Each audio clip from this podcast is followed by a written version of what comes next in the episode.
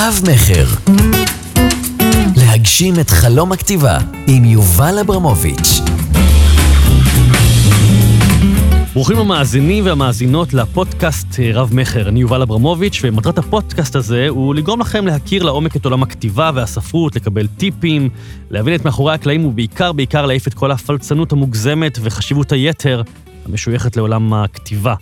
לתפיסתי האישית, כל אדם יכול לכתוב, לא כל אדם יודע לספר סיפור, אבל את זה אני אנסה ללמד אתכם בספר רב-מכר, להגשים את חלום הכתיבה, שניתן להשיג בכל חנויות הספרים וגם באתר שלי, וגם באמצעות הפודקאסט הזה שיארח דמויות מעולם הכתיבה, אה, מסופרים ועורכים ועד מפיצי ספרים. והיום יש לי אורח מיוחד שיש לו מספר כובעים. ליאור שרף הוא בעל הוצאת ספרים בשם אגם, שמתמחה בין השאר בהוצאת ספרי ילדים, רובם מתורגמים, אך גם מקוריים, אה, אבל הוא מוכר מאוד בתעשיית הספרים כאחד ממפיצי הספרים המשמעותיים בשוק. גילוי נאות הוא גם המפיץ של הספרים שלי, שעושה עבודה מאוד מאוד יפה. אם אתם לא מכירים את הפונקציה הכל כך חשובה הזאת, אז בעברית מדובר על הגורם שמתווך בין הסופר, או הוצאת הספרים, לבין החנויות הפרטיות והרשתות, ועל זה בין השאר נדבר בתוכנית של היום, אז שלום ליאור, מה שלומך? שלום יובל, בסדר גמור. וואו, מאיפה נתחיל? יש כל כך הרבה... אה, אתה, תמיד כשאני מגיע אליך לפגישות עבודה, כזה פעם בשנה בערך, של מה קורה, מה העניינים, אז אתה מאגר ידע מבחינתי, כי כל כך הרבה, אתה כל כך הרבה שנים בתוך העולם הזה, ומכיר אותו מקדימה, מאחורה, מכל כך הרבה פונקציות, מכיר כל כך הרבה גורמים. כמה שנים אתה בענף הספרים? משנות ה-90, 1990. שזה זה... כאילו טריליון שנה בערך. אני תמיד חושב שאני מפיץ צעיר, אבל כן, זה כבר 30 שנה. אה, אה, אה, איך התגלגלת לזה בכלל? אה, די במקרה. אני למדתי באוניברסיטה, סיימתי לקראת סיום התואר, אה, פגשתי בחור שלמד איתי, שהייתה לו חברת הפצה קטנה, הוא... למדת מה? כלכלה. כלכלה. כן. רצית להיות מה? אה, לא ידעתי. אוקיי. לא היה לי משהו מוגדר. אוקיי. והתחלתי לעבוד איתו, אה, אחרי שלושה חודשים נסעתי עם זוגתי, עם אשתי, לטיול סביב העולם למשך שנתיים. כשחזרתי לא תכננתי לעבוד בתחום הספרים, אבל איכשהו פגשתי אותו ברחוב, הוא הצליח לשכנע אותי לחזור ולעבוד איתו. אחרי חצי שנה נפרדנו, אה, עבדתי כשכיר אה, בהוצאת קרתא, מה זה, אטלסים, לא? זה היה אטלסים וספר הסים של גינס, זה היה אוקיי. הספר הכי מפורסם שלהם. כן. אה, ואחרי שנתיים באתי לבקש העלאה ופיטרו אותי. כך שלא הייתה לי ברירה, לקחתי את האוטו הקטן שלי והתחלתי בעצם אה, להקים את, אה, את חברת ההפצה. במשך שנה עבדתי בעצמי, עם עצמי, כשהמחסן זה היה הדירה שלי וואו. והאוטו. ובעצם אתה חורש את הארץ בכל חנויות הספרים ונותן ספרים? אני חושב שבחודש הראשון עשיתי סדר גודל של 5,000-6,000 קילומטר. קיבלתי, קיבלתי מההוצאה לאור של משרד הביטחון את ההפצה מחדרה צפונה ומרחובות דרומה, ככה שחרשתי את הארץ, לא היה טלפון, לא היה פלאפונים, מהמם. את ההזמנות הייתי יוצר ב...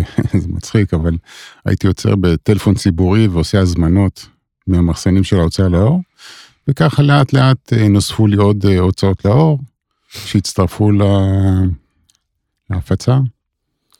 אה, כמובן שאחרי זה לקחתי מחסן קטן, ואז אמרתי שיספיק לי מחזור X ואני מסודר, ולאט לאט זה התגלגל וגדל וגדל, וכל שנה הכפלנו את עצמנו, וכן, זה...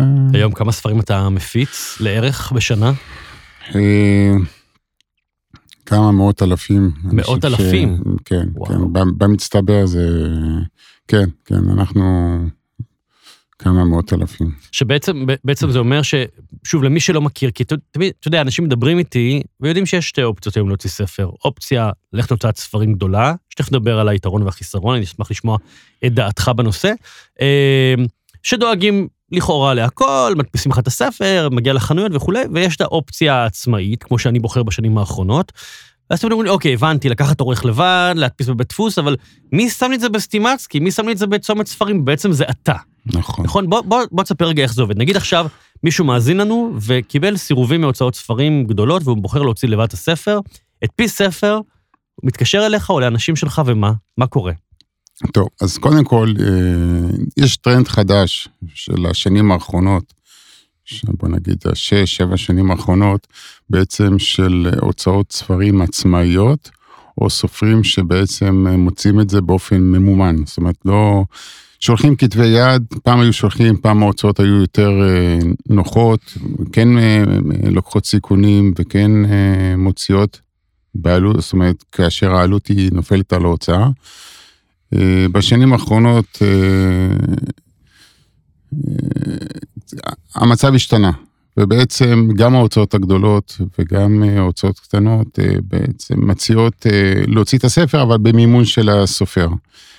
אה, במצב הנוכחי, כדאי, אני מעריך שאם מישהו חשוב לו החותמת של ההוצאה, בעצם שזה הלוגו של ההוצאה לגבי הספר, אז יעלה לו כמה עשרות אלפי שקלים יותר, מאשר אם הוא יוציא את זה לבד. כן. אני חייב, אני חייב לומר באופן אישי שבעיניי אין שום ערך היום ללוגו הזה. אני הוצאתי באיזושהי הוצאת ספרים נורא נורא גדולה, ומאוד כעסתי על הטיפול בספר שלי, ואני זוכר שאמרתי למו"ל, למה בכלל הוצאתי כאן? הוא הרים את הספר, הראה לי את הלוגו שלו, אמר לי, בגלל זה. עכשיו, תשמע, זה נכון אולי לשנות ה-80. עם עובד, הקיבוץ המיוחד. היום, אנשים, אכפת להם אם זה הוצאת uh, זב"ם, או הוצאת ידיעות אחרונות, או הוצאת הרשימה, או הוצאת uh, אימוג'י קקי. לא.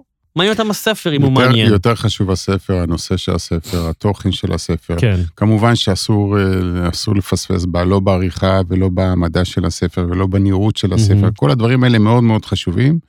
כי בסוף, בסוף אה, הוא מגיע לחנות, ואם הוא... הדבר הראשון זה הנראות שלו. כן. זאת אומרת, אם הוא לא ייראה מיוחד, הוא ייבלע בין אה, שאר הספרים. אחרי זה אנשים אה, מרפרפים וקוראים, ואם ה... אם... כולל הפונטים, בחירת הפונטים בתוך הספר, אם היא לא נכונה, הספר יורד חזרה למדף, לשולחן, והוא לא ירחש. אה, לכן אה, אני חושב שמאוד חשוב, גם אם מוצאים את זה באופן פרטי ועצמאי, לבחור את אנשי המקצוע הנכונים והטובים, שזה עורך טוב, אה, מישהו שיעשה הגעה, ואם צריך ניקוד או תרגום, עיצוב ואיור, לא להתפשר. לא להתפשר על העטיפה, בטח לא להתפשר על שם הספר, מאוד מאוד מאוד חשוב, mm-hmm. כי זה בעצם, זה מה שמושך את ה... את הלקוח, וגם, החל, אגב, הגב האחורי של הספר, שיהיה מתומצת כמו שצריך, שיעביר את המסר בכמה שורות, mm-hmm. כדי שיגרום לכך שהאדם, שאותו לקוח שירים את הספר, ירצה לרכוש אותו. כי זו מלחמה לא פשוטה, אני אומר את זה אפילו אני, ומצבי טוב, אתה יכול להעיד את זה, כי אתה יודע את, מחיר, את נתוני המכירות שלי, אפילו אני נכנס לחנות ספרים, עם, ושוב, במצבי הטוב, ואני יוצא משם בדיכאון, אני אומר, אלוהים אדירים, איך ייקחו דווקא אותי מבין אלפי הספרים שיש ב, בכל חודש. קודם כל מצבך הוא טוב, אתה יודע את זה, וגם מצבך הוא טוב שאתה שואל את השאלה איך ייקחו אותי, זאת אומרת שאתה רואה את הספר שלך, רוב המחברים לא רואים את הספרים שלהם על כן. המדף. אה, צריך להבין, בחודש חלש כמו ינואר, פברואר, יוצאים 200 כותרים חדשים. וואו. לקראת החגים יצאו, אני מעריך 350 ו-400 כותרים. איך תילחם, איך, איך, איך, אתה, איך תצוף באוקיינוס הזה? זה, זה, זה עבודה, זה, זה צריכה להיות עבודה. של כל הגורמים ביחד, גם של המפיץ, גם של, ה, גם של המחבר, גם של, אה, אם, אם זה יחסי ציבור או כל דרך אחרת, כדי, צריך פשוט להציף את הספר מה, משאר הספרים, וזו עבודה קשה מאוד. כן, אז, אז אדם בחר להוציא נגיד לבד, הוא פונה אליכם, אל ליאור שרף הפצה, מה, איך, איך מתחיל התהליך? אתם בוחרים כל אחד? זה, זה, איך זה כרוך במשהו? מה, מה תנאי סף? בוא תספר על אוקיי. תהליך.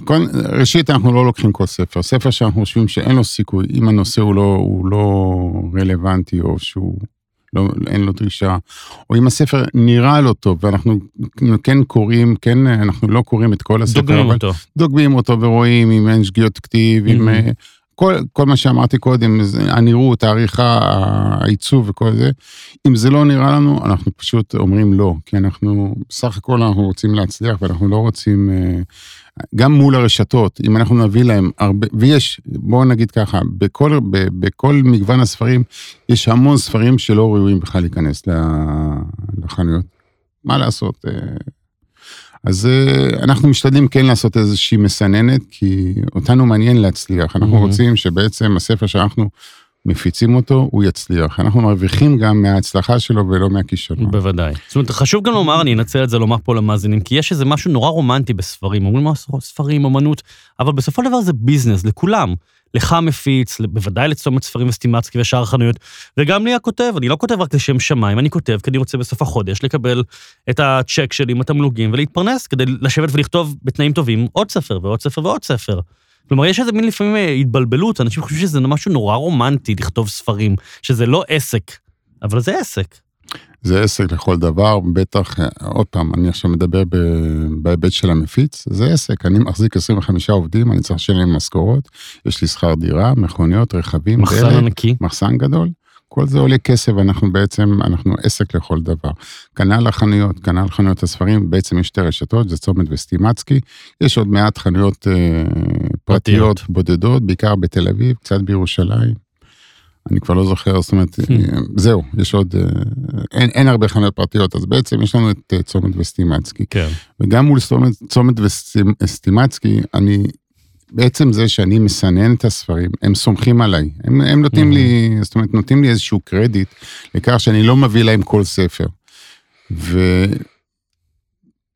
וההוכחה היא שהם מזמינים ממני כמעט כל ספר mm-hmm. שאני מביא, כמעט, 99 אחוז, הם מזמינים, וגם משתפים אותו בדרך כלל במבצעים. אוקיי. אה, כלומר, כלומר, אז אוקיי, אז אתה בחרת לדוגמה בחודש הבא להפיץ 30 ספרים שהגיעו אליך, בין אם זה הוצאות ספרים גדולות או סופרים עצמאיים, אז בעצם אתה או הנציגים שלך מגיעים לצ... לצומת ולסטימצקי ואומרים להם, אלה הספרים שאנחנו רוצים אתם תזמינו לחנויות? כן, זה מאוד מסודר. אה, יש לנו פגישה חודשית, אה, בדרך כלל אה, בתחילת חודש, לגבי החודש mm-hmm.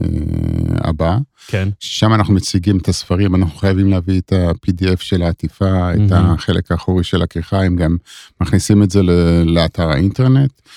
אנחנו מציגים, יושבים, מדברים על הספרים, ואחרי כמה ימים אנחנו מקבלים אה, בעצם את הכמויות. אחד, אם הספרים משתתפים במבצע או שנכנסים למכירה רגילה, וגם את כמויות הספרים. יש לנו מספיק זמן להיערך מול, מול המו"לים, מול המחברים, ולהגיד להם מה הכמות שאנחנו צריכים, אנחנו יודעים לחשב כמה לצומת, כמה לסטימצקי, mm-hmm. כמה שישאר אצלנו במלאי, ובהתאם לזה הם מקבלים את ההנחיה כמה להדפיס. אה, צריך ל... עכשיו, יש, יש את העניין של אה, מבצעים. ספר נכנס למבצע, אם הוא, כל ספר חדש, היום ברוב הספרים הטובים, או בוא נגיד ככה, הספרים הטובים, רובם נכנסים למבצע מ-day one. זאת אומרת, אלא אם כן המו"ל לא רוצה, אבל כן. זה נדיר שהוא... הוא הסופר, נדיר. אומר, אני לא הוא רוצה. הוא הסופר לא רוצה, אבל זה נדיר. זאת אומרת, ספר שהוא לא במבצע, הוא לא מוצג על השולחנות, mm. לא מוצג על השולחנות, הוא עובר למדף, הסיכוי שלו אה, להיחשף mm. הוא, הוא קטן. אז אנחנו גם משתדלים להכניס את הספרים אה, למבצע בר, ברשתות. או, או, או אם רוצים ה... רוצות הרשתות לתשיעייה או לעשירייה, שזה כאילו המבצע של אותו חודש באחת רשתות, נכון? זה נכון, תלוי באיזה חודש. יש כמה חודשים שלא כדאי להכניס לתשיעייה ועשירייה, okay. אבל זה כבר סוד. אוקיי, אוקיי, תספר לי אחר כך לי. על בשרי למדתי, מתי כדאי ומתי לא כדאי. אבל לא, מה שאתה אומר הוא מעניין, אני כן רוצה להתעכב עליו, אתה אומר, אתה כן אומר, אוקיי, אתה יודע, בתוכנית הקודמת ראיינתי את אילן הייטנר, שהוציא את חוכמת הבייגל לפני 20 שנה, ובאמת גם, אה, ואומר, זה לא מה שהיה לפני 20 שנה, היה מפץ, נכנסה צומת ספרים, התחילו כל הארבע במאה, כל השוק, המחירים הצטמצמו והצטמקו, ואתה עדיין אומר, ובכל זאת, לכו למבצעים. אל תפחדו מהמבצעים, כי עדיף למכור במאסה מאשר לא למכור. אה, זה, זה, כמו שאתה אומר, זה לא למכור. הסיכוי שתמכור ספר שהוא לא נמצא במבצע, שואף לאפס. פשוט, לא, לא, לא יראו אותו. Mm-hmm. גם ככה, אה, תראה, כל התיאוריה הזו, זאת אומרת, אה, אילן, אה, בעצם 20 שנה אחורה, כן, הספר הפך, אה, אחד מהבעלים, אחד מהרשתות, אחד מבעלי הרשתות אמר שהוא הפך את המוצר ממוצר תרבות למוצר צריכה. ובאמת, אה, אני חושב שמשנת 86, אה, משנת 96 התחילו הגירויים, איך, איך לגרום ללקוח לקנות יותר ויותר ספרים, למרות שהוא לא צריך אותם בכלל. Mm. וזה היה המבצע הראשון, אני זוכר שהוא היה ספר שני מתנה, וזה עמדו בתור, הרבה, זה פשוט, וואו. הייתי שולח משטחים לחנויות. ולא עמדו באספקות, ו- Hmm. והיה לחצים מטורפים, ואחרי זה בא שלוש במאה, ואחרי זה בא ארבע במאה, ואם אני אגיד לכם שמכרתי בחודש אחד מיליון ספרים בארבע במאה הראשון, זה, זה מספר וואו. שאף אחד לא יכול להאמין. מטורף. אומרת, זה מטורף, זה מספרים מטורף. מטורפים. אבל זה נגמר. נגמר כי בעצם הלקוח הבין שגם אם הוא קונה 24 ספרים, הוא קורא שניים או שלושה, אז הוא לא צריך את ה-24, ובמבצע הבא של 4 ב-100 קנו שמונה ספרים, ובמבצע האחרון של 4 ב-100 קנו בלית ברירה ארבעה ספרים, כי רצו ספר אחד Mm. מתוך הארבע, ואז אמרו בעצם ב-100 שקלים, 100 שקלים אני אקנה כבר ארבעה ספרים. אז בעצם חזרנו לגודל הטבעי שלנו, לגודל הצריכה האמיתי שלנו, גודל הצריכה ש- לקריאה ולא אה, לס- לא לספרייה. כן, שלא יודע ממוצע, נגיד שניים, שלושה בשנה, לא מדבר על אלה שמכורים לקריאה וקוראים אחד בחודש. כן, יש, יש, יותר. יש ויש, אבל אני אומר, זאת אומרת, אם פעם בנינו, זאת אומרת, הצלחנו במבצעים לבנות ספריות בבתים, נגמר, הספריות מלאות, כן. נשארו, ועכשיו חזרו לצריכה ה... הצריכה ההגיונית, הצריכה הנכונה. כמובן שיש עוד גירויים נוספים, כמו פלאפון, כל הוואטסאפ, נטפליקס. ונטפליקס, ו- והפייסבוק, ואינסטגרם, וכל הדברים האלה, שהם בעצם גורמים לנו לבזבז את הזמן ולא על קריאה, אלא על. זאת אומרת, יש גירויים נוספים. אבל בגדול חזרנו לגודל האמיתי שלנו, עם ירידה קלה של, עם ירידה עקב הגירויים הנוספים, אבל המחירים, וזו הבעיה, המחירים נשארו נמוכים. Mm. המחירים נשארו נמוכים, העמלות לרשתות גבוהות, ובעצם פה הבעיה, התגבול לספר מאוד מאוד נמוך, ואם אתה שואל אותי אם אפשר לעשות מזה ביזנס, כבר היום הרבה הרבה יותר קשה לעשות מזה אם ביזנס. כי אז אני חייב פה לומר משהו, כמי שבשנים האחרונות מוציא את הספרים שלו תחת הוצאה שהיא שלי, בעצם השארתי לי פה את הנתח שההוצאה לוקחת. כלומר, אם הייתי מוציא בהוצאה, הייתי מקבל חצי שקל או שקל או שקל וחצי, במקרה הטוב, אבל פה אני בעצם משאיר אצלי עוד אחוזים וגם עוד שקלים, כך שאני כן, ואתה יודע את הנתוני המכירה שלי, כן גם יכול להתפרנס מהספרים דרך החנויות, וכמובן שגם מוכר אותם בעוד אפיקים, לא רק בחנויות. אגב, אתה יכול, אתה יכול ככה, הזכרנו פה את את אילן אייטנר שעשה איזשהו באמת מפץ אה, לפני 20 שנה, והיה את רם אורן שעשה, אתה יכול ככה לסמן אה, שמות או אנשים או ספרים שאתה אומר, וואו, הם עשו מפצים לאורך השנים האחרונות? כן, אה, כמובן הארי פוטר, אה, שבא משום מקום וגרף פה כמויות מטורפות, את יומנו שכנון, אה, Mm. שזה היה גם, שזה בעצם, יומנו שכנון הוא איזשהו סמן שנוער כן קורא, ואפשר Mm. כן לגרות נוער לקרוא Mm. ספרים, ואחריו יצאו הרבה מאוד ספרי נוער. אה, נוח הררי זה ספר ש... אבל עוד פעם, אנחנו נותנים את הדובדבנים, יוב, כמובן יובל אברמוביץ', ש... בסדר. באמת, כאילו, אני חושב שאתה אתה, אתה יודע את זה, והמספרים שלך הם מדברים בפני עצמם, אבל אני, רוב הספרים לא עוברים את האלף עותקים. וואו. צריך לדעת את זה. וואו. זאת אומרת, על כל הצלחה אחת יש, אני, אני חושב שזה אחד לעשר או משהו כזה. וואו. ש, שספרים שלא עוברים את ה... אתה היית אצלי במחסן וראית את המחסן. המחסן, בטח. הוא, הוא, כל, איך אני קורא, כל החלק העליון של המחסן זה בעצם ספרים שלא צלחו, שלא כן, הצליחו, כן. שסופם בסופו זה או גריסה או מכירה. וואו. אה, ושברון לב של הכותב.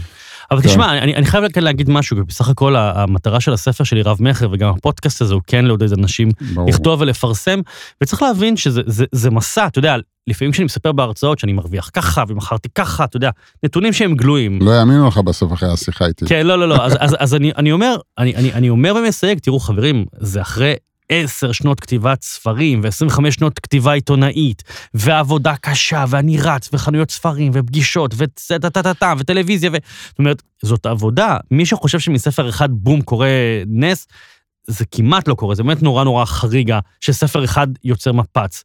זה עוד ספר ועוד ספר ועוד ספר, אני הרי רואה את הדוח שאתה שולח לי אחת לחודש. אז הספר הזה מכר 100 עותקים, וזה מכר 30, וזה מכר 70, וזה מכר 700, וביחד הכל יוצר כבר משכורת יפה. נכון. ואני, ואני יכול לחיות מהספרים שלי. אגב, כמו, יש עוד, לא, לי יש עוד כמה כותבים בישראל, אני יכול להגיד לך שאורלי קראוס ויינר, שאנחנו מיודדים, שגם היא, היא ככה יצרנית של ספרים, היא כותבת ספר בשנה, אפילו לפעמים שני ספרים. אתה יודע, היא לא אולי חיה בסביון, אבל היא חיה, והיא מקבלת כל חודש, אם אנחנו ככה מחלקים את כל ההכנסות שלה השנתיות, פר חודש, חי משכורת נחמדה מאוד. ואני חושב שמי שעובד אה, כסופר, ומבין שזאת עבודה מסביב לשעון, זה לא רק לכתוב, זה ללכת לחנויות, זה לפגוש קוראים, זה לכתוב בפייסבוק, כן, יכול להתפרנס מזה. עלית על הנקודה הכי חשובה, הכי חשובה. זאת אומרת, סופר שכתב ספר ונתן את הספר למפיץ או להוצאה לאור, וזהו, והוא חושב שישב בסלון והכסף יזרום אליו, שישכח מזה. Mm. עובדים קשה מאוד, זאת אומרת, הסופרים המצליחים עובדים מאוד מאוד מאוד קשה. וזה אומר לכתת רגליים ולגש לחנויות ולפגוש את המוכרים ולשכנע אותם ולה, ולהציג להם את הספר ולספר להם על הספר ואפילו לחתום ולתת להם עותק מתנה. ו- ולדבר ללקוחות, זאת אומרת, הפייסבוק, ההתכתבות, הפרסום, זה דורש המון המון המון עבודה, וזו הדרך היחידה כן. להצליח. ולפעמים זה מתיש, מתיש זה לפעמים. מתיש אבל... וזה קשה, וזה מתסכל לא פעם, אתה נכנס לחנויות ולא כולם נחמדים נכון, אליך. נכון. אתה... אז, אז כן, אבל צריך, צריך להיות, זה אופי מיוחד, אבל בלי זה ההצלחה היא כמעט כמעט ואין לה סיכוי. כן. אז, אז אני רוצה רגע לסכם את החלק הזה, של הכובע שלך של מפיץ ספרים, ולשאול רגע, שאלה שוב טכנית. אז אדם כתב ספר, עבד עם עורך טוב, אה, עם, עם מעצבת, הספר נראה ראוי, התוכן אה, מבחינתך ראוי, ואתה מאמין שיש לו פוטנציאל מסחרי, אה, אז הוא מתקשר אליך ומה? הוא עבר את הסנן ואתם מעוניינים להפיץ אותו, זה כרוך בתשלום, איך, איך זה עובד פחות או כן. יותר? יש, יש תשלום, קודם כל יש חוזה, חוזה הפצה שאנחנו עושים, שהוא חוזה די סטנדרטי, שאנחנו עובדים מול המחבר. זה כרוך בתשלום מינימום, שאם עוברים אה, כמות עותקים, אז אה, מזדכים על חלקו mm-hmm. לפחות. אה, עמלה, מה, אז בעצם יש, ישנה פה עמלה שהיא אחוז מה, מהמכר, ממה שאנחנו גובים מה, מהחנויות, זה בקונסיגנציה, זאת אומרת, זה גם חשוב לדעת שזה בקונסיגנציה, ורק מה שעובר בקופה ונמכר, משולם אה, למחבר. עוד משהו, עוד נתון חשוב שצריך לדעת, שהיחס מכר מול המלאי זה בערך 1 ל-3, זאת אומרת, על כל ספר שנמכר צריך להחזיק עוד שלושה ספרים במלאי. ולמה זה? כי אם אנחנו רוצים שכל חנות תחזיק את הספרים, אז זה היחס, זאת אומרת, או. אם רוצים למכור, אם מכרנו אלף ספרים, צריכים 4,000 ספרים, שיודפסו 4,000 כן. ספרים. וככה זה, אז זה גם צריך לזכור, וזה גם צריך לעשות את החשבון ולהיעזר במפיץ, כן. שבסוף, זאת אומרת, ספר יש לו אורח חיים, לא כל ספר הוא לכל החיים. יש ספרים שאורך המדף של, אורך חיי המדף שלהם הוא ארוך, ואורך, יש ספרים שאורך מדף, חיי המדף הוא קצר. צריך לקחת את זה בחשבון, שלא יהיה מצב שבעצם המחבר פשוט בסוף נשאר עם אותה כמות שהוא התחיל. ברור. אז זה צריך להיעזר במפיץ. עכשיו, מגיעים למפיץ, אה, יש, מתנהל איזשהו שיח, אה, עושים התאמת ציפיות, אה, ועם זה אנחנו הולכים לרשתות, ואחרי שהלכנו לרשתות יש לנו עוד עבודה, יש סוכנים בשטח. Mm. יש את הסוכנים שמסתובבים בחנויות, הם אלה שצריכים לבדוק את התצוגות של הספרים, mm. הם אלה שצריכים לראות מה שנמכר, לעשות הזמנות חוזרות. כן. אחרי זה יש את, ה, אה, יש את, ה, את העניין של האספקה של הספרים, האספקה של הספרים לחנויות. באחת הרשתות אנחנו עובדים מול מחסן מרכזי, ברשת השנייה אנחנו עובדים בעצם מול כל חנות וחנות. Mm. ו- ומאוד חשוב שתהיה אספקה רציפה ו... כי לפעמים אם היה והספר שלך מצליח, אתה מתקשר הרי לאנשים אומרים, תשמע, דחוף, רוצים מחר, אה, את שבוע הבא אלף ספרים, וזה קורה לפעמים, כך שצריכים להיות ערוכים להדפסות גם מהירות במידה והספר תופס. תראה, עכשיו בוא רגע נדבר על בחירת המפיץ, ובית, כן. כדי, זאת אומרת, כשבעצם מחבר רוצה לבחור מפיץ, מה, מה הדברים שהוא צריך אה, לברר? אחד, זה קודם כל לדבר עם המפיץ ולראות אם יש לו איזושהי כימיה ואינטראקציה איתו והוא מוצא חן בעיניו. כי זה שפה, בסוף, איך אתה אומר, אנחנו צריכים לדבר כל יום, כן. ולא כל יום, אבל לפחות פעמיים, שלוש פעמים בחודש לדבר, ואם פתאום צריך ספרים, זאת אומרת, לקבל נכון. מידע וכל זה. לא כל, אני, לא כל המפיצים, אה, יש להם את הזמן ואת ה... אה, אורך רוח. אורך רוח ואת הסבלנות ואת כן, ה... כי כל סופר, ה... הילד שלו הוא הכי חשוב בעולם, בדיוק, כן. ולא לשכוח שלמפיצים יש הרבה ילדים. כן. אה, אצלי, אני יכול להעיד שיש לי בעצם את דן, שהוא הסמנכ"ל של החברה, שהוא מטפל בסופרים העצמאיים. וזה זה, זה אחד, אחד התפקידים שלו, זה לטפל בהם. מסכן. כל היום אנחנו מתקשרים אליו ומטרידים אותו. הוא דווקא לא, הוא נראה לי דווקא אה, די נהנה מה... אוקיי. הוא עושה את זה ועושה את זה טוב. הוא גם, הוא גם בעצם המקשר בין המחבר לבין החנויות. זאת אומרת, מהמם. אם חנות באה ואומרת, תשמע, הייתי בחנות הזו ולא ראיתי את הספר, אז אנחנו, הוא מברר, הוא בודק עם הסוכן, הוא בודק, יש לנו את הסיגמנט שאנחנו רואים את המלאים דרך, ה, דרך המחשב, ואנחנו יכולים לראות את זה, והוא בדרך כלל נותן את הפתרונות. אה, הדבר השני זה בעצם לבחון את מערכת היחסים של המפיץ מול הרשתות. אה, אני מעריך שיש כאלה שהם יותר, אה, זאת אומרת, עם מערכת יחסים יותר טובה מול הרשת, יש כאלה שפחות. כמובן גם מול החנויות. והכי טוב, הכי טוב, העצה הכי טובה שלי למחבר, תיגשו לחנויות צומת, תכנסו ותשאלו על מי אתם ממליצים. יש כאלה שימליצו על אה, X ויש כאלה שימליצו על Y. בעצם הם, הם הכי אמיתיים. הרי אני, להעיד על עצמי, ברור. זה, מה אני אגיד, שאני חרא? לא, אני... אני יכול המפיץ- להעיד עליך אני שאתה המפיץ חמוד הכי מאוד. טוב, נכון? כן. והכי נחמד. כן.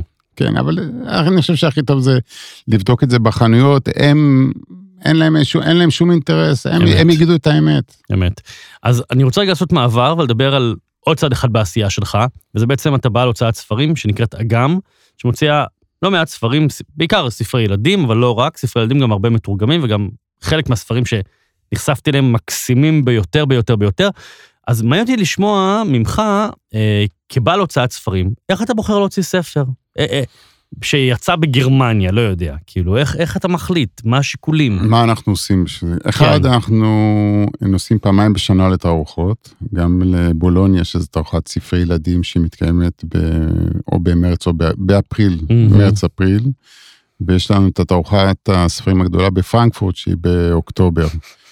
אה, אנחנו פעמיים בשנה, אנחנו צוות שנוסע אה, לפגישות שאנחנו אוקיי, קובעים. מה עובר בין דוכנים? עוברים ו- בין, זה, זה מתחלק לשניים. אחד, זה אנחנו בעצם קובעים, אה, יש לנו יומן, אנחנו ארבעה ימי עבודה, כל יום שמונה, שמונה עד עשר פגישות. וואו. זה די, זה מתיש. מהמם. עם הוצאות שאנחנו עובדים, הוצאות בחו"ל שאנחנו עובדים, ואנחנו רוכשים, הם מציגים לנו בעצם את הדברים החדשים. לא פעם אנחנו עושים את זה כבר הרבה לפני, לפני מהמם. התערוכה, ואנחנו רק באים לסכם. אה, את מה שיכול להיות שכבר רכשנו עוד לפני התערוכה, כי יש תחרות על הספרים. ספרים מתורגמים טובים, אה, ההוצאות יש להם את החושים, והם אוקיי. יודעים לזהות. אז מה, כולם מחפשים את ההארי פוטר הבא? אה, כן, כן. כן, כן, מחפשים, קשה למצוא. אבל אנחנו, יש לי עורכת מאוד מאוד מוכשרת בהוצאה, אהובת ניצן. היא באמת סוג של, אני, אני, מבחינתי זו המתנה הכי גדולה שלי. אה, שגייסתי אותה להוצאה, ואנחנו בעצם עושים בחירות, אה, אנחנו מביאים את זה לדיון, אנחנו מעיינים, בודקים את הנושא, בודקים את האיורים בספרי ילדים, מאוד חשוב האיורים, ומשתדלים להצליח, משתדלים להביא את הדברים הכי טובים שאנחנו יכולים להביא בתרגומים נכונים, Mhm. ב- ב- ב- בעריכות נכונות, אה, בהפקה, הפקה מאוד חשובה, הפקה, ההדפסה, איכות ההדפסה, אה, ולהביא את זה לקהל, ה- אם זה ספרי ילדים, זה להורים שיוכלו... אה, כן. אז בעצם, בעצם, זה, זה, זה מה שאני מבין מהשיחה שלנו, ואולי חשוב לי גם שהמאזינים ככה יבינו, שהכל כאן בתעשייה של הספרות היא קצת גם הימורים. כי בעצם אתה נוסע אה, לא- לאיטליה ורואה איזשהו ספר ואתה מהמר, אתה רוכש את הזכויות בלא יודע כמה מאות דולרים או אלפי דולרים, ומהמר שהספר, ומשקיע בו אחר כך תרגום והפקה והדפסה בארץ. כלומר, זה כרוך בהוצאה של, אני מעריך כמה כמה עשרות כמה עשרות אלפי שקלים, ואתה אומר, אני עכשיו שם פה על הכרטיס לוטו הזה, שנקרא יומנו של חנון, ובתקווה שהדבר הזה יצליח. אותו דבר, אגב, צומת ספרים או סטימצקי, אם הן מכניסות ספר שלי או של כל אדם אחר, הן גם מהמרות, כי יש להן מדף מוגבל. אומרים, אנחנו מהמרים ומקווים שהספר הזה של יובל או של אילן או כל אדם אחר יצליח. הרבה הימורים יש פה. אה, מו"ל ותיק, עוד פעם, אני, זאת אומרת, במו"ל ותיק, שיום אחד היינו בגרמניה, בפרנקפורט, ואתה יודע, בערב אין מה לעשות, בוא כן. נלך לקזינו. כן. אז הוא אומר לי, ליאור, אני לקזינו לא צריך, אני כל השנה אצלי זה קזינו. Hmm, זה נכון, הוצאה לאור זה הימורים. אם לא היינו מהמרים והיינו יודעים את התוצאה מראש, היינו מוצאים רק את הדברים הטובים. כן. אבל כמו שאמרתי, אחד לעשר, אז כנראה שזה הימורים, אבל יש בזה, יש בזה, תראו, אין ספר שאנחנו בוחרים שאנחנו לא חושבים שהוא יצליח. אם היינו, אם היינו אפילו אה, 50 אחוז חושבים שהוא לא יצליח, לא היינו מוצאים אותו, כי למה? כי הכסף הוא כסף יקר. ברור. ספר ילדים עולה 25 אלף שקלים, אפילו לפעמים יותר, וזה הרבה כסף. אה, אז כן, זו תעשייה של הימורים, זו תעשייה ש... אבל יש, ב- יש בה הרבה הרבה, זאת אומרת, אני מהרגע שנכנסתי לאגם, וזה בעצם מ-2017, אני נכנסתי קצת יותר למעורבות בכל הנושא של ההוצאה לאור וכל זה, החיים שלי השתנו. נהיה לי כיף, אני קם בבוקר עם כיף, עם שמחה, עם יצירה, עם, עם הנאה, וגם עם המתח הזה, אם זה יצליח או לא יצליח, Hmm. זה, זה גם חלק אז מה... אתה- אתה- אתה- אתה מבין את הסופרים יותר טוב אם כך. אה, אני תמיד הבנתי את הסופרים. אה, כן, אפשר להגיד שאולי עכשיו קצת יותר טוב אפילו, מהמם. כן. ותגיד לי איך, אתה יודע, דיברנו קודם על ספרות מקור, פה בארץ מישהו כותב ספר, אז הוא הולך לחנויות והוא אה, כותב בפייסבוק. איך מקדמים ספר של סופר נורבגי שאין לו קשר לישראל בכלל, ואתה בעצם שם ספרים שלו בחנויות? איך אתה עוזר לספר להשריש שורש? אה, אה, קודם כל, יש סופרים, ש... תראו, בוא, אם יש סופר שהצליח כבר, אז, אז אנחנו כבר יודעים שיש לו סיכוי, זאת אומרת, אנשים, ההורים, אם זה ספר ילדים, וציירת, אה, נגיד דוגמה, שרה מסיני, שהיא ציירת מאוד מאוד, אה, כבר הוצאנו לה איזה שישה ספרים, Mhm. וכולם מצליחים, אז Mhm. אנחנו יודעים שהספר, ב, ב, זאת אומרת, הציורים הם עוזרים, גם כן. הנושא, אבל גם הציורים מאוד מאוד תורמים להצלחה של הספר. אה, אנחנו משתמשים, קודם כל משתמשים במשרד יח- אה, משרד יחסי ציבור אה, חיצוני, שנותן לנו שירותי אה, יחצנות. בתקשורת. ב- לתקשורת, כן, כן. אנחנו עכשיו, יוצא, עכשיו, ממש ב- בימים אלה אנחנו בסדרה שיש לנו שני ספרים של גרטה. Mm, המפורסמת, אחד ספר ילדים שנקרא גרטה והענקים, והספר השני קוראים לי גרטה, שזה ספר הדרכה מושלם לכל הנושא של. איכות הסביבה. איכות הסביבה. אקלים, אה, פסולת וכל הדברים האלה. אה, לקחנו לטובת זה את אה, מיכל פייקין, כן. היחצנית, שאתה מכיר אותה, נכון. ואנחנו, והנה, היום, היום דרך אגב, מצלמים הקראה של הספר בגן ילדים. מדהים. אה, באחד הערוצים, אני אה, אפילו אגב, לא היא פנתה אליי, אני זוכר שהיא שאלה אם אני רוצה... אני. אפילו לא יודע איזה, איזה כן. ערוץ, אבל היום, ממש ברגעים אלה מצלמים כן. זה, ועושים כתבה על בעצם על מדהים. כל הסיפור של גרטה. אה, שבעצם אה, את הספר, מה, רכשת באחד הירידים? בדיוק, אנחנו רכשנו את זה באוקטובר, ואמרנו שזה ה... זאת אומרת, אנחנו עשינו פה ש... מה שנקרא מבצע. הוצאנו שני ספרים תוך חודשיים, מהרגע Mm. שקנינו, ראינו את הספרים, קנינו את הזכויות, והוצאנו אותם, בדצמבר כבר הם, אה, הם היו מוכנים. מדהים. אה, כן, זה היה, זה היה ממש, שמנו את הכל בצד, אמרנו, אנחנו מתרכזים בשני הספרים האלה. ויצאו ספרים מקסימים, ואני חושב ספרים תורמים, אני חושב שזה ספרים שיכולים, אה, מאוד אקטואלי, מאוד... כן. ואם זה סופר ישראלי, אז כן, אז צריך, לה, הסופר צריך להיחשף, הוא צריך, עוד פעם, גם, גם במקרה הזה, עכשיו הוצאנו ספר של עמליה, ארגמן ברנע, אה, נקרא ברקוד, ברקוד על ארוחת בוקר, ספר מקור, סיפור נפלא של שעמליה, סיפור אמיתי, שהיא העלתה אותו וכתבה כספר. וגם פה לקחנו את, אה, את משרד יחסי הציבור, והם אה, מנסים בכל מקום, קשה, קשה, אני, הכל קשה, אבל אנחנו, אין, אם לא נעשה, לא נצליח. ברור. לכן אני, אה, אני אומר, זאת אומרת, לבוא, מי שחושב שהוא יביא את הספר למפיץ, והמפיץ ישים את הספר בחנות, שישכח. חייבים לעבוד קשה, מי כמוך יודע, לעבוד מסביב ומסביב ומסביב. בדיוק, רק בסוף שבוע האחרון היו אצלי חברים בבית ודיברנו על הספר החדש, רב מכר, ושאלו איך הולך, ואמרתי שבסדר גמור, ועכשיו גם יש אה, שיתוף פעולה עם אה, עברית, אה, ספרים דיגיטליים ותחרות גדולה ומודעות ועניינים. אמרתי להם, אבל תקשיבו, אני חייב לומר בכנות שאני אני עייף, אני עייף. אני, אני כבר עשר שנים אה, אה, נמצא במקום מאוד מאוד גבוה בסך הכל, ובכדי לתחזק את הדבר הזה, את המותג במרכאות, צריך לעבוד, ואנשים לא רואים את זה, הם רואים רק את ההצלחה, רק את המחיאות כפיים, רק את הביקורת בעיתון, את הטובה או הרעה, אבל לא מבינים שכולנו עובדים מאוד מאוד קשה. אני חושב שאגב, בכל תחום בחיים, אין, אין, אין קיצורי דרך, ואין, אני לא מכיר אף אדם ש, שמגיע להצלחה ולא עובד בשבילה. אין ספק. רגע. אני, אני, אני, תקשיב, אני אומר, מתי יגיע היום שאני אשב על הכיסא יסתכל אחורה ויהיה מבסוט ויגיד, יאללה, הנה, הגעתי לאן ש... אבל זה לא עובד. זה כן. ח... אני... ואת יודעים מה?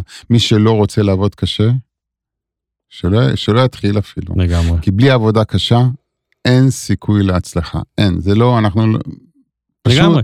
אני, אני, אתה יודע, אני מגביל את זה להבדיל, אני מסתכל על, על קוקה קולה ועל שוקולד פרה. מאה שנה מפמפמים, הם עובדים קשה, תם שלא יהיה החיים, לך... תם החיים, ומקדונלדס, ושוקולד פרה, ואני רואה, אני אומר, אין הבדל, ב, אם הם מתייחסים לעצמם בשיא הרצינות ושופכים תקציבי פרסום, וזה, גם האדם הקטן, הסופר המתחיל, או הסופר המנוסה, או המפיץ, או כל גורם, חייב לעבוד באותה שיטה. כל הזמן, זה בסדר מדי פעם לקחת חופשה, בדיוק חזרת מחופשת, מחופשת חופשת סקי, זה לא שאתה מסכן, ואני נוסע בעוד שבועיים ללונדון, אנחנו, אנחנו חיים, ואנחנו גם נהנים, אבל, אבל אנחנו עובדים. אני חושב, אני חושב שזה חשוב להבין, זה, כי שוב, אני רוצה לעקר את התחושה שספרות זה רק רומנטיקה, ושייקספיר עם נוצה. זה עבודה.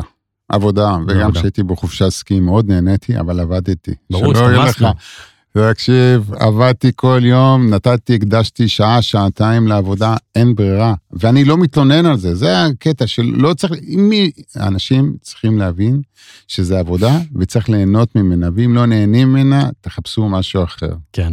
לפני שניפרד, אה, שאלון שליפה מהיר, הספר שהכי השפיע עליך באופן אישי? אוי, אתה מתקיל אותי עכשיו. אני קראתי ספר בהמלצת בני, אה, ספר יפני בהוצאת שוקן. אני לא זוכר את, את שמו, אבל זה סיפור מטמטם. באמת, זה סיפור על ארבע שנים של כפר דייגים, מהמם. שמתנהל, זאת אומרת שחי אה, חיים של הישרדות, ו, וזה, זה, זה, מבחינתי, אה, לא הייתי קורא את הספר אם הבן שלי לא היה ממליץ לי על הספר הזה. צר לי שאני לא זוכר את שמו, אה, אבל אה, זה סיפור שהוא עם פריזמה מאוד מאוד מאוד צרה. זאת אומרת, זה Mhm. כפר דייגים, ארבע שנים במעגלים, ובסוף, איך, אה, איך אמרתי לבן? כואב, כאב לי הלב. פשוט החזקתי את הלב, ופעם ראשונה שהרגשתי שהלב כואב מהסיפור, וואו. איזה כיף זה שספר גורם לך כזה דבר. וחבל על הזמן. ספר שמוערך אבל שלא הצלחת לסיים? מוערך או שלא... ס- ספר שדיברו עליו, אתה יודע, ואמרת, אוקיי, בוא ננסה, ולא הצלחת לסיים אותו. אה, יש הרבה כאלה, זה לא חסר. אני, אני קורא, אם אני, אם אני אחרי 20 עמודים אני לא מצליח, אה, אני פשוט שם אותו בצד, לא...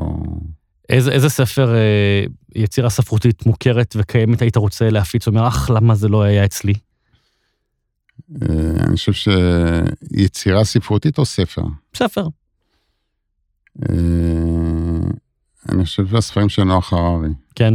כן, זה, זה, זה, תקשיב, קודם כל זה הס- ספר מאוד, זאת אומרת, הסדרה היא מאוד מעניינת, וגם אתה רואה את המספרים ואת כל זה, אז אתה אומר, גם ליהנות וגם להרוויח. Mm. זה- ספר שאגב, החמצת? היה איזה ספר שהגיע אליך, אמרת, לא, אני לא מעוניין וואי, לה- וואי, להפיץ, ודפקת וואי. את הראש בקיר אחר כך? זה קרה לי לפני אה, חודשיים, או בספטמבר, בספטמבר, כן. בחגים, אה, בגלל שהתעקשתי על עמלת ההפצה, פספסתי, ועד היום הוא מכר 30 אלף עותקים. אני מדבר איתך בשלושה חודשים, ארבעה חודשים האחרונים. וואלה. כן. אמ, ספר דיגיט... אה, ספר אה, מודפס או ספר דיגיטלי? מה אתה מעדיף? אני מעדיף מודפס, למרות שאני, מבחינתי שהמסר יעבור, אם זה בדיגיטלי או בנייר. כל ההגדה הזו שאנחנו כורתים, אה, כן. אתה יודע, יש, יש, יש אחריות לכל הנושא של הנייר. וגם עכשיו, כשהוצאתי את שני ספרי גרטה, חייבו אותי להוציא על... אה, דפים ממוחזרים? לא ממוחזרים, אבל חברה שמספ... אה, שיש לה אחריות. אחריות, ומה זה אומר אחריות? שבעצם על כל עץ שנכרת הם בעצם שותלים שלושה עצים. וואו, אז זה גם מוטבע על ה- על הספר. מדהים. עכשיו, גם למדתי, תוך כדי זה למדתי שעץ, צריך לכרות את העצים, כי עץ שהוא, אה, בעצם עץ נותן לנו את ה-CO2, נכון. אה, בעצם הוא לוקח את ה-CO2 ונותן את החמצן, אבל אחרי אה, מספר שנים, כשהעץ מזדקן, הוא כבר לא, יודע- הוא לא עושה את Mm. הפעולה הזאת. זאת אומרת, החידוש של העצים, בסך הכל זה טוב, ל, טוב לכדור הארץ. אוקיי, תראה, גרטה כבר משפיעה עליך. מה זה גרטה חבל הזמן, חברה? אוקיי, אה, מילה אהובה עליך? מילה. כן, מילה שאתה אוהב להגיד, אוהב לשמוע. איזה שאלות אתה שואל אותי, יובל. אתה יודע, אה, אה, הצלחה, הצלחה. כן. אוקיי, מילה שאתה שונא? אה, בעיה. בעיה. אני מתחבר, מתחבר, אין- לנו אין בעיות. מתחבר איתך יש לנו- לגמרי. יש לנו אתגרים. מעולה. אז יש לך אתגר שהספר רב-מכר יהיה רב-מכר, הוא כבר רב-מכר, אבל שיצליח עוד יותר. קודם כל הוא נולד רב-מכר. נכון, נכון. ותודה רבה ליאור שרף, מי שרוצה עוד פרטים, גם על הוצאת אגם, חפשו אה, את האתר המקסים החדש שהשקתם לא מזמן, נכון? נכון. וגם אה, כמובן אה, אפשר ליצור קשר עם המשרד שלך לגבי הפצת ספרים. תודה רבה שהתפנית, רוץ לך לשאר העניינים והעיסוקים, ושיהיה שבוע טוב. תודה תודה לך. רבה. תודה.